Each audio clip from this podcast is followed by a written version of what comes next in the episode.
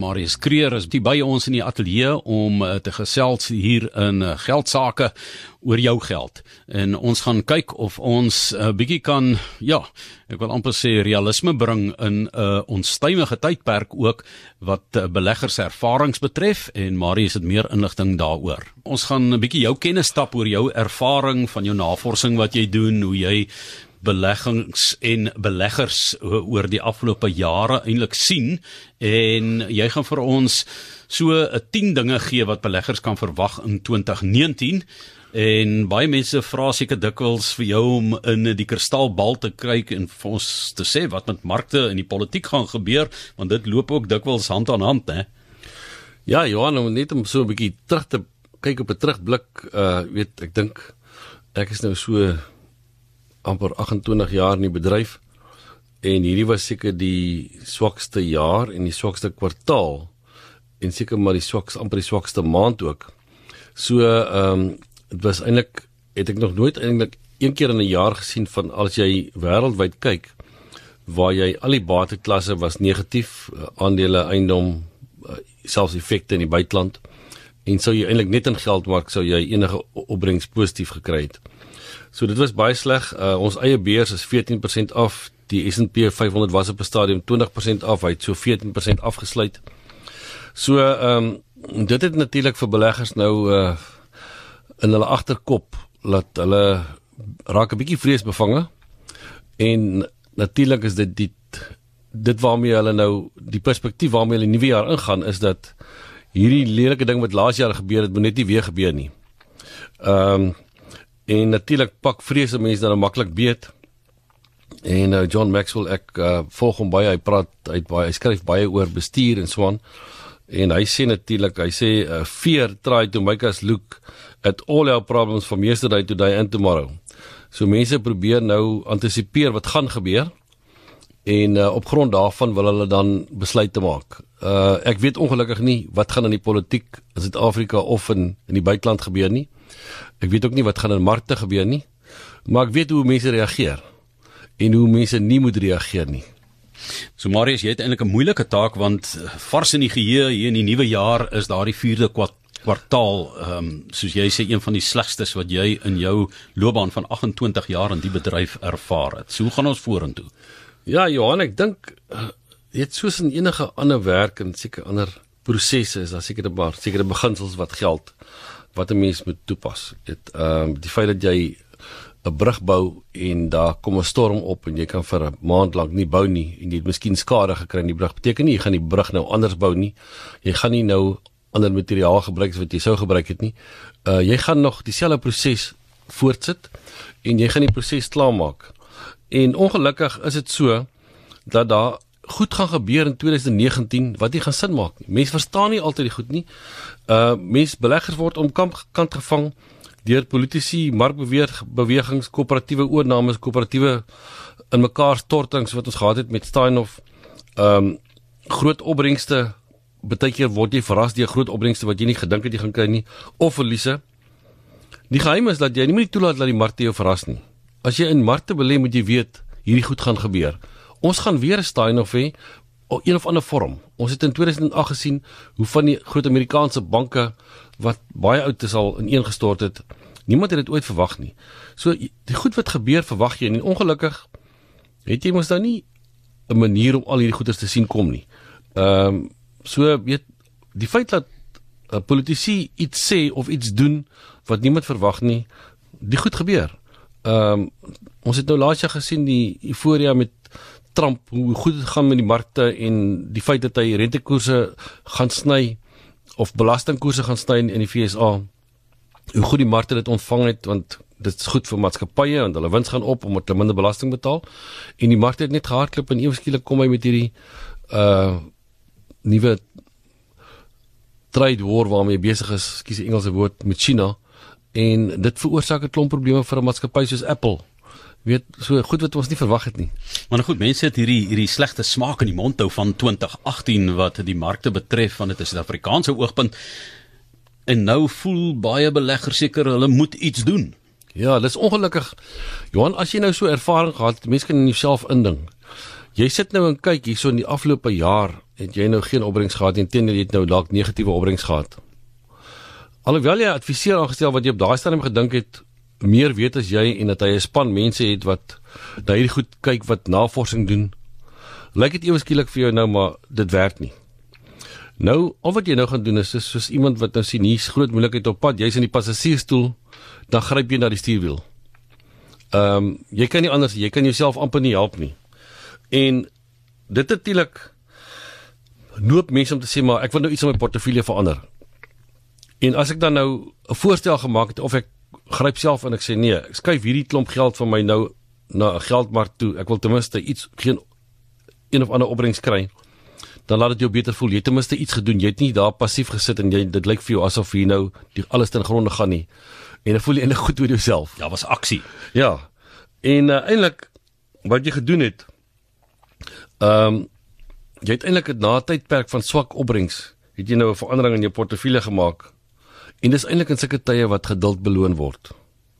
Uh en ons gaan nou 'n bietjie praat oor wat het in die verlede gebeur na sulke negatiewe kwartaale. Wat wat was die opbrengs daarna gewees of sulke erg negatiewe tye? Maar is daar sal mense wees wat meer geld het en gemaak het, miskien as wat jy as belegger dit doen of wat dit verkondig. So ja. dis ongelukkig so dat heeltyd terwyl jy in hierdie proses is van jou beleggings hoor jy mos nou goed hier langs die kant. Jy hoor van mense wat in in Bitcoin belê het en jy hoor hulle het 100 of 1000% wins gemaak. En dan hoor jy van iets wat agterna 'n Ponzi skema is, maar jy het nie geweet wat 'n Ponzi skema nie. En jy hoor hier mense geld gemaak wat vreeslik baie is en jy kry 'n skamelike 10 of 12% opbrengs per jaar en hier hoor jy van 'n ou wat amper 5% 'n maand kry. Nou ons sê mos altyd daar's twee goed wat mense seermaak op die aandelebeurs is maar vrees en gulsigheid, greed en fear. Maar daar's 'n derde een wat jy nog seerder maak en dis jaloesie. Die oomblik as jy nie kan hanteer dat jy hoor iemand anders het baie goed gedoen nie en nou moet jy ook nou voel jy ook jy kan nie nie deel van hierdie partytjie wees nie. Ek het laasweek 'n brief gekry van iemand wat vir my sê hulle portefeulje het nie goed gedoen nie. Is nie my is nie eers een van my kliënte en iemand wat sommer net vir my 'n brief skryf en sê maar hulle oorweeg nou Bitcoin.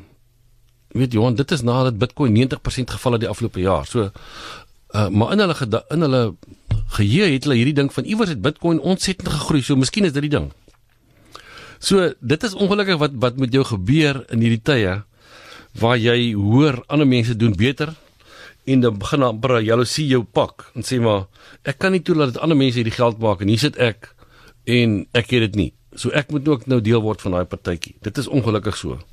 Maar maar moet 'n mens dan nog steeds met bateallokasie dink aan langtermyn opbrengs al is jy nou sien weer agtig oor ja. hierdie aaklige gebeure van die laaste ja. kwartaal vir 'n belegger.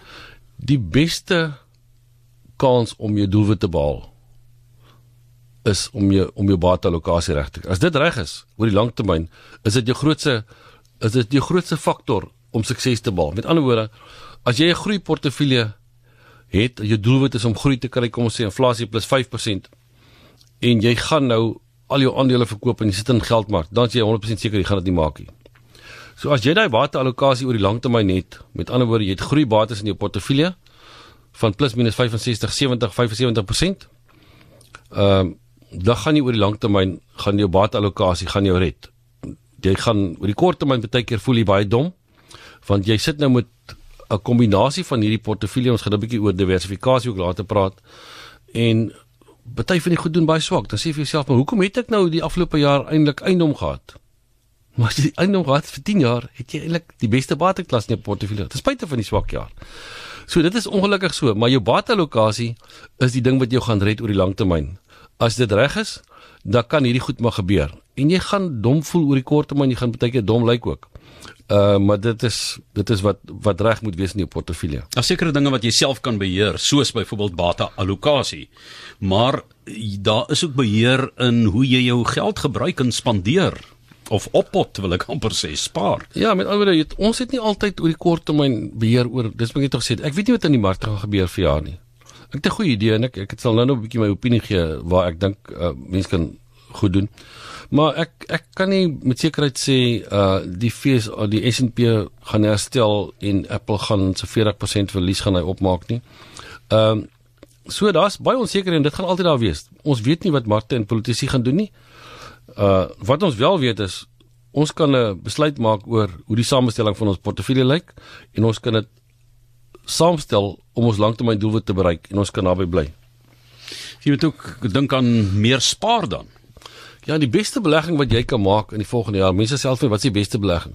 Die beste belegging is probeer meer spaar as laas jaar. Die oomblik as jy meer geld by jou portefeulje kan sit. Nou, gaan dit oor die langtermyn vir jou die beste wees. En dit is nou maar 'n 21 raad wat ek nou hierso gee. Maar dit is die beste wat jy kan doen as jy wil sê, hoe kan ek beter beter doen hierdie jaar as as die vorige jaar? Spaar meer. Maak 'n punt daarvan om 'n paar rand ekstra 'n maand weg te sit as jy 'n bonus kry en jy het dit in die verlede gedoen, jy probeer 'n paar rand daarvan wegsit. Ek weet dit is nie maklik in ons tye nie. Kyk, jy het net ou verwys na um, die mense langs jou vertel wonderlike stories en dan luister jy daarna en dan is jy half jaloers daarop, maar dan sou ook mense wat hulle verlekker in ander mense jy weet wat kom en na tyd vir jou kom sê dan jy weet ha ek het vir jou mos gesê Marius ek ja. het jou mos gesê daai mark gaan ja. val Ja, dit nou, is nou hoe reageer mense daarop? Ja, dit is mense gaan dit altyd kry. Uh as jy na die as jy na die S&P 500 kyk sedert 2009 is daar pessimiste wat elke jaar sê die beurs gaan hierdie jaar val.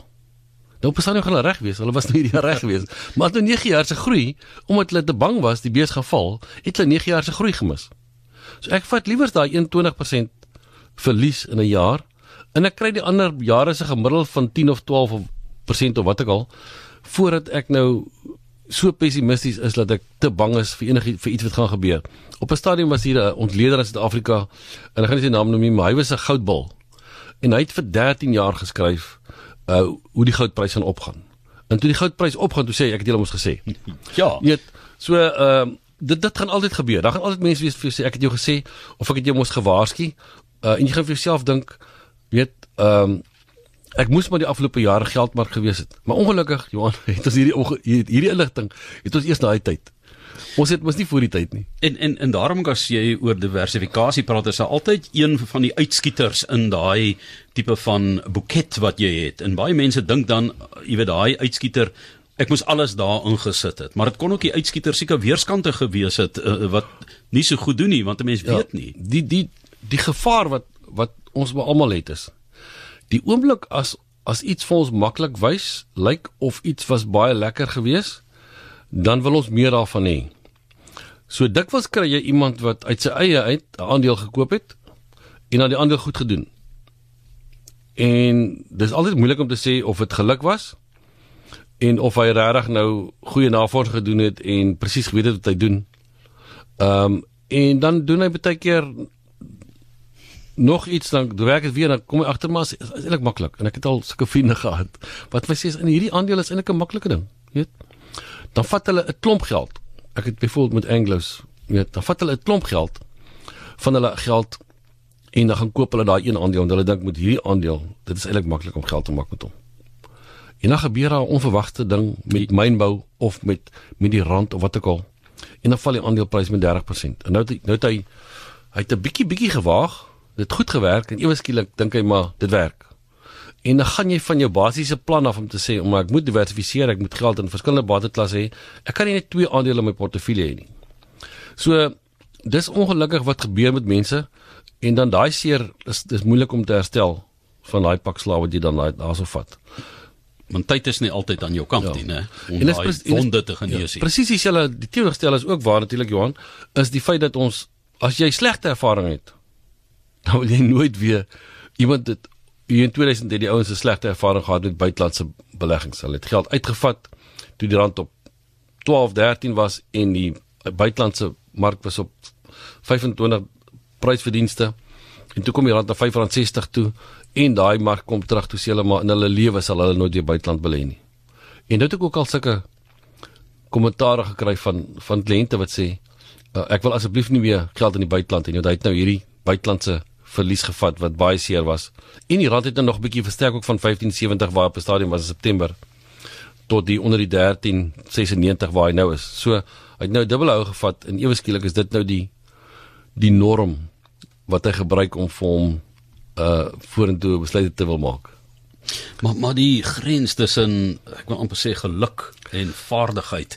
Dis maar 'n uh, grys ja. area baie keer vir die belegger wat kom en sê maar hoorie maar, maar was jy nou goed of was jy nou net gelukkig? Ja. Jy weet ek dink ou sien dit baie keer dat jy dat jy die regte uitkoms kry met die verkeerde besluit en baie keer die verkeerde uitkoms met die regte besluit. Kom ek noem 'n voorbeeld. Ons het September maand en ons het al gepraat daaroor het ons besluit toe die rand hier na 1570 toe gaan ons dink die rand het 'n bietjie te ver gegaan ons gaan 'n bietjie van ons buitelandse beleggings terugbring. Ons dink die rand gaan versterk.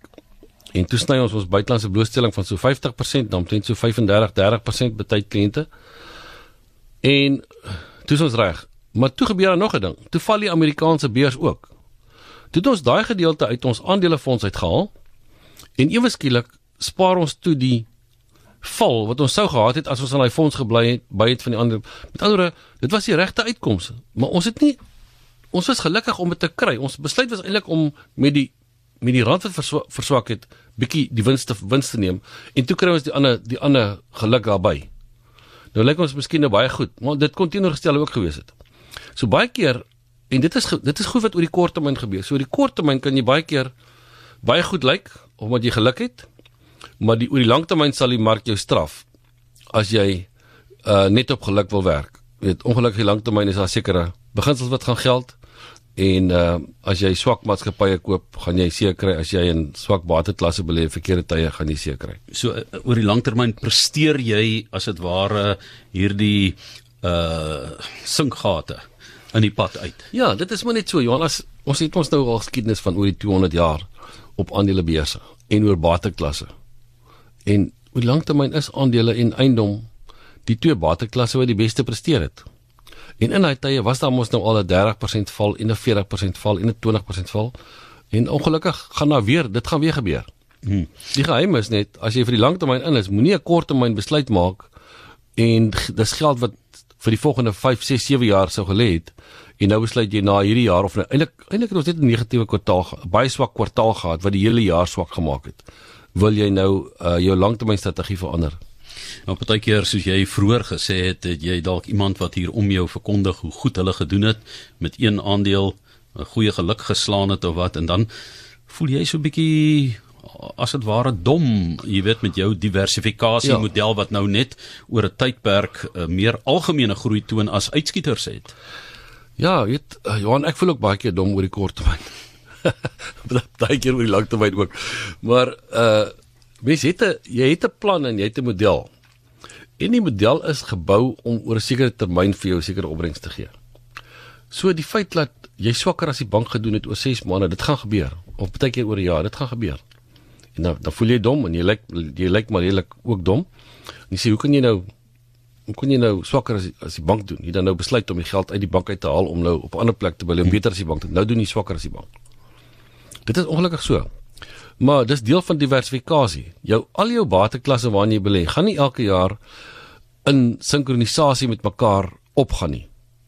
Jy doen dit reeds omdat jy nie altyd seker is watter op gaan gaan, gaan nie sodat jy ook wanneer dit swak gaan.